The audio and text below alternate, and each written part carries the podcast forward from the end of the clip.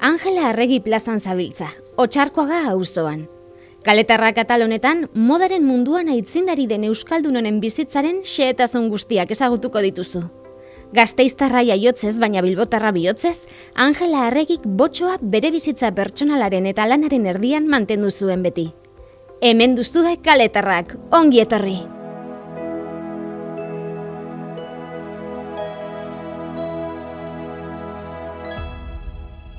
Kaletarrak. Ángela Regui, aparte de eh, diseñadora, muchos te conocen, Angela Arregi diseinatzailea izateaz gain, askok ezagutzen duten bezala, bost semea alabako ama izan zen eta izugarri gustatzen zitzaion familia bizitza. Baina bere diseinu giletasunari erreparatzen badiogu, bizitza osoan diseinuan aritu den euskal sortzailea izan zen. Podcast honetan Iban Korkuera Arregi izango dugu gidari, Angelaren semea eta bere laguntzaile leialenetako bat. Ibanekin moda sortzaile honen kurrikulum zabala birpasatuko dugu. Ertzaintzaren eta korreoseko langileen jantzien diseinutik hasi eta zibelezen desfilatu zuen lehen euskalduna bihurtu zen arte.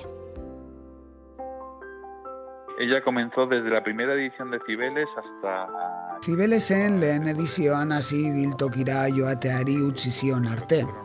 Bada, nik uste dut hogeita bost urte baino gehiago izan zirela. Horrela hitz eginez, bapatean, gutxienez hogeita bost urte, urtean bi edizio. Bada, berrogeita mar edizio egin zituen Angelak Zibeles ibiltokian. Eta ibiltoki horretan egon zen lehen euskal diseinatzailea izan zen. Londreskoa kontuan izan gabe eta Parisen ere desfilatu zuen noizbait.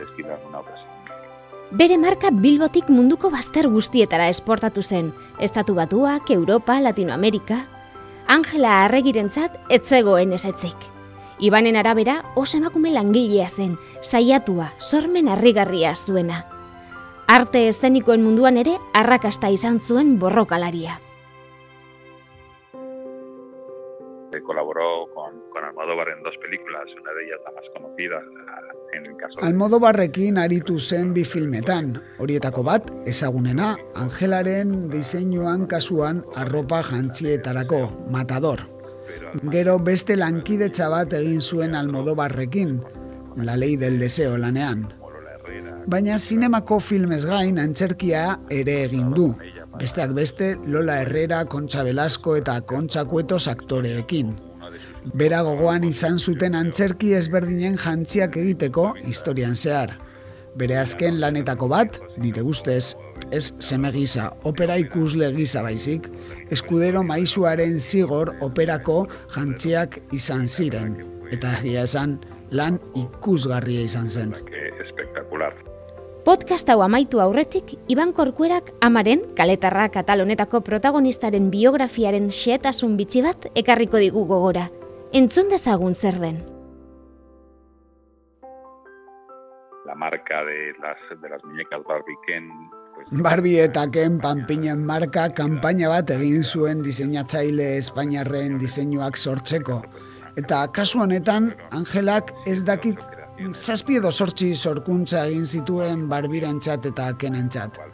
Bakoitza ezberdina, bat iritarragoa, bestea kasualagoa, eta gala eta zeremonia jantziak ere. Imagina zazu ibiltoki bateko soineko bat, emazte gai batena, estrapolatzea. Hogeita hamar zentimetroko panpina batera estrapolatzea. Horrek dakarren lanarekin. Nik gogoratzen dudan enean, berarentzat oso lan atsegina izan zen, baita ere oso neketsua. Izan ere ez da gauza bera irumetroko dandardun soinekoa egitea, ama zentimetroko dandarra baino ez duen soinekoa egitea. Barregarriago dirudien arren. Lan guztia egin behar zaio, brodatuak, berarentzat oso lan atsegina izan zen. algo muy, muy bonito por, por su parte. Onaino kaletarra katalaren podcast hau. Ziur berriro ere emakume izena duen beste kale batean aurkituko dugula elkar. Badakizu podcast hau nahi adina eta nahi duzun tokitik entzun dezakezula. Urrengor arte. Usted está caminando por la Plaza Ángela Arregui en el barrio de Ocharcuaga. En este capítulo de Caletarrac conocerá todos los detalles de la vida de esta vasca pionera en el mundo de la moda. Gasteiztarra de nacimiento pero bilbaína de corazón, Ángela Arregui mantuvo al bocho siempre en el centro de su vida personal y laboral. Bienvenidas y bienvenidos a Caleta Rack.